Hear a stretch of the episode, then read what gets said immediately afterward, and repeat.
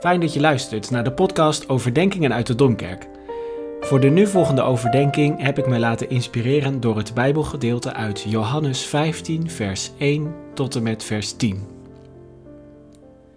Na meer dan een jaar leven met beperkingen slaat natuurlijk ook het ongeduld toe. En dus werd het een week met opmerkelijke tegenstellingen. Aan de ene kant vierden we overal in Nederland een zonnige Koningsdag en gingen mensen in alle steden de straten op. Werd het overal druk, werd het op sommige plaatsen zelfs veel te druk. En wat we gewoonlijk als gezelligheid zouden typeren, dat moest worden verboden of ingeperkt. Opvallend was dat mensen geen enkele moeite meer deden om zich aan de lockdown of de andere beperkingen te houden. Met enthousiasme en massaal omarmden we de terrassen en de winkels. Aan de andere kant moesten ziekenhuizen de draaiboeken voor een code zwart weer tevoorschijn halen, zich schrap zetten voor het ergste, mensen aan de deur moeten gaan terugsturen, kiezen tussen wie wel en wie niet behandeld kan worden. Dat vormde allemaal een schijnbaar heel andere werkelijkheid. Net als die berichten uit India of Brazilië, waar het virus dagelijks zijn duizenden verslaat. En als het glas dan weer leeg op de tafel staat, als je de oranje kleren weer hebt opgeborgen, dan moet je sober vaststellen dat we er voorlopig nog niet vanaf zijn. De komende maanden zijn in zekere zin zelfs de ingewikkeldste. Het vooruitzicht van vrijheid en van feest gloort al, maar het is nog niet zover. Nog niet voor iedereen. Nog lang niet overal. En dan valt het wachten ons zwaar. Geduldig blijven leven met beperkingen, dat zit niet zo in ons. Het zit niet zo in onze vrije cultuur. Het liefste leven we in een land waarin niemand ons de wet stelt. Vrijheid heeft bij ons meestal de betekenis van onbegrensd en ongehinderd zijn. Het was filosoof Harry Kunneman die de schaduwzijde van deze levensinstelling al in 2005, tien jaar voor die beruchte speech van premier Mark Rutte, typeerde als het dikke ik. Het dikke ik draait volgens Harry Kunneman om drie kenmerken: steeds dikker worden, jezelf dik maken en een dikke huid hebben. We willen immers steeds meer en andere dingen kunnen consumeren. En om dat te bekostigen verkeren we in een steeds heftigere concurrentie met anderen, bijvoorbeeld op de arbeidsmarkt en de huizenmarkt. En in een moreel opzicht trekken we ons van het lot van die anderen veel minder aan. Alleen je eigen, je individuele geluk telt als maatstaf.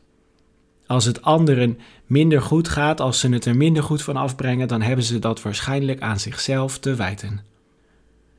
Kunneman uit een ongemakkelijke kritiek op hoe wij in het leven staan en hoe we met elkaar omgaan. Misschien herken je het niet volledig, maar het punt met zulke sterke beelden, overdrijvingen misschien wel, is dat ze vaak toch een kern van waarheid bevatten. We kunnen het minstens allemaal wel ergens anders aanwijzen, waar het op deze wijze ontspoort. De kerk is er in elk geval niet immuun voor. Paus Franciscus is al jaren bezig om het Vaticaan schoon te vegen, en deze week kwam daar een volgende stap bij. Regels om witwassen, corruptie en zelfverrijking tegen te gaan, die zijn vanaf nu bindend voor de kardinalen en de managers. Blijkbaar is het nodig om zulke regels te stellen. En de spannende vraag voor ons allemaal blijft onverminderd actueel. Leven wij niet in een cultuur waarin het voor het dikke ik goed leven is? Kan je in Nederland niet ook gewoon vaak goed wegkomen met die morele tunnelvisie, zoals Harry Kunneman dat noemt? Het dikke ik is een gesloten ik. Het is een ik dat niet wezenlijk in verbinding staat met de wereld om zich heen, met andere mensen om hem of haar heen werkelijk rekening houdt. Het benadert anderen als hulpmiddelen om de eigen doelen te realiseren, om de eigen behoeften te bevredigen. Het laat anderen voor zich werken, zonder zich af te vragen of die ander wel eerlijk loon ontvangt of leefbare omstandigheden kent. Het dikke ik is in een omvattende zin ook een beeld voor het huidige Westen, voor Nederland als deel van de rijkste landen van de wereld. Dagelijks permitteren wij ons een mate van welvaart en van volksgezondheid die alleen maar valt vol te houden doordat wij anderen zoveel minder toestaan. Goedkope consumptie hier, dat is alleen maar mogelijk door goedkope productie daar. En daar zijn nog altijd mensen mee gemoeid. Maar kan dat ook anders? Hoe zou een wereld eruit zien waarin het dikke ik niet zo ongebreideld de dienst uitmaakt? Jezus doet in het evangelie volgens Johannes een heel aantal uitspraken over zijn ik. Het zijn belangrijke momenten in het evangelie, die vaak ook aan een wonderlijke gebeurtenis zijn verbonden. Ik ben het brood dat leven geeft, zegt Jezus. En als om die identiteit tastbaar te maken, delen de mensen in een overvloed aan brood, te veel om op te krijgen. Er is daar sprake van consumptie, maar belangrijker nog in dit wonderteken, er is ook sprake van een wezenlijke verzadiging. De honger naar meer wordt door Jezus gestild, de mensen houden zelfs over om van verder te delen. Ik ben het licht van de wereld, zegt Jezus. En als om dat te laten merken, vertelt Johannes even verderop van Jezus die een blinde de ogen opendoet. En Jezus zegt: Ik ben de ware wijnstok. En dan moet ons oog dus wel uitgaan naar dat fundamentele wonderteken van het begin. In Cana, waar de wijn vloeit op een bruiloft, zelfs nog ruimschoots voordat Jezus zichzelf bekend maakt als de wijnstok.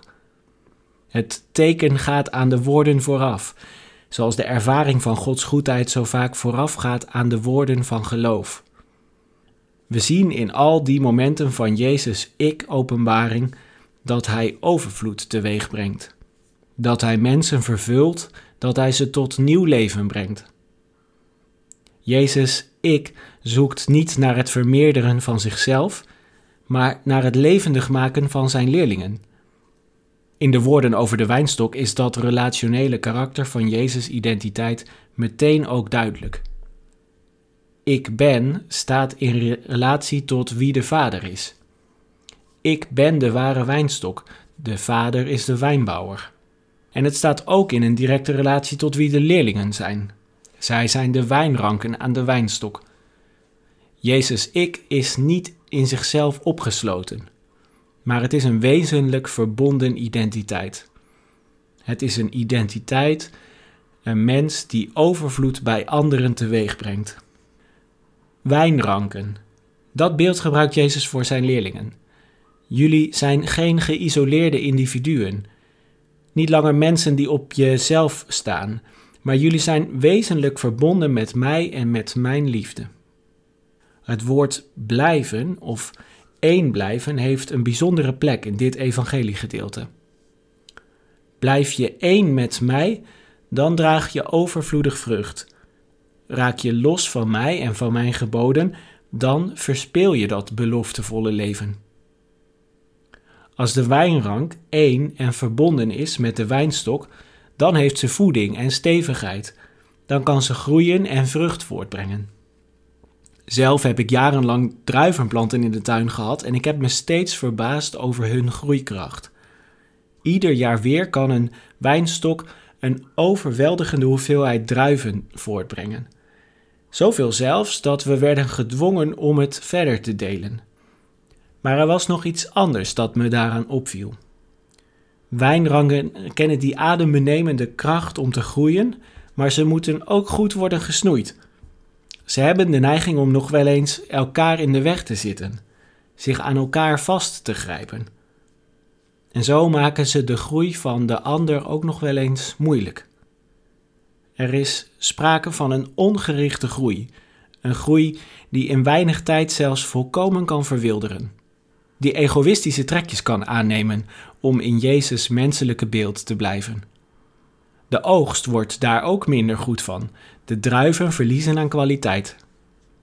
Ik denk aan een ongeremde en volledig op het eigen ik gerichte spiritualiteit. Als zingeving alleen nog draait om het verheffen van je eigen ik, als het alleen maar een boost mag zijn voor je eigen ego, dan lijkt die groei misschien wel indrukwekkend, maar de vruchten zijn toch zuur. Jezus wijst op de noodzaak van de wijnbouwer die richting aanbrengt in onze groei. Onze liefde moet geordend worden, wist kerkvader Augustinus al. Er moet orde in de veelheid van onze verlangens en liefde worden aangebracht. En die orde van onze liefde hangt direct samen met de liefde voor onze naaste. Die is de toetsteen voor de liefde tot God. Ik ben de ware wijnstok, zegt Jezus. En daarmee verwoordt hij zijn identiteit, die gericht is op overvloed, op de blijvende verbinding in de liefde. Het is duidelijk dat Jezus niet wil dat zijn ik op zichzelf blijft staan. Het moet zich uitbreiden in het leven van zijn leerlingen, in de kerk. En iemand als Paus Franciscus laat zien hoe je leeft zonder die dikke ik-mentaliteit, maar wel met een zeer krachtige persoonlijkheid. In feite moet je zelf zeggen dat zijn persoonlijkheid in alle eenvoud een buitengewone innerlijke rijkdom en rijkwijde heeft. Zijn liefde is geordend. Er is richting in aangebracht. De kerkvaders omschreven de deugd die daarbij past als perseverantia, geduldige volharding. In een van zijn mooie boeken over Jezus schrijft Franciscus voorganger Benedictus over die deugd. Alleen door geduld rijpt goede wijn. Augustinus heeft na de stralende inzichten van het begin op het moment van zijn bekering ervaren hoeveel moeite het kostte om geduld op te brengen. Juist daardoor heeft hij de liefde voor de Heer leren kennen en ook de diepe vreugde daarover. Geduld is een deugd die kan opbloeien door de ervaring dat je al genoeg ontvangen hebt. Genoeg gezegend bent, dat je ook al het overige wel zult ontvangen. Het dikke ik weet daar niet van. Dat is per definitie onverzadigbaar en per definitie ongeduldig. Het kan niet zo goed dealen met de beperkingen en met de verwarring die het leven ook altijd kent.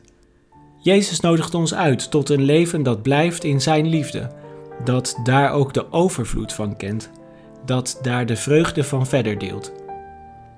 De wijnstok en de wijn zijn niet voor niets de Bijbelse beelden bij uitstek voor feestelijkheid, voor de goedheid van het leven, voor de goedheid van de schepping.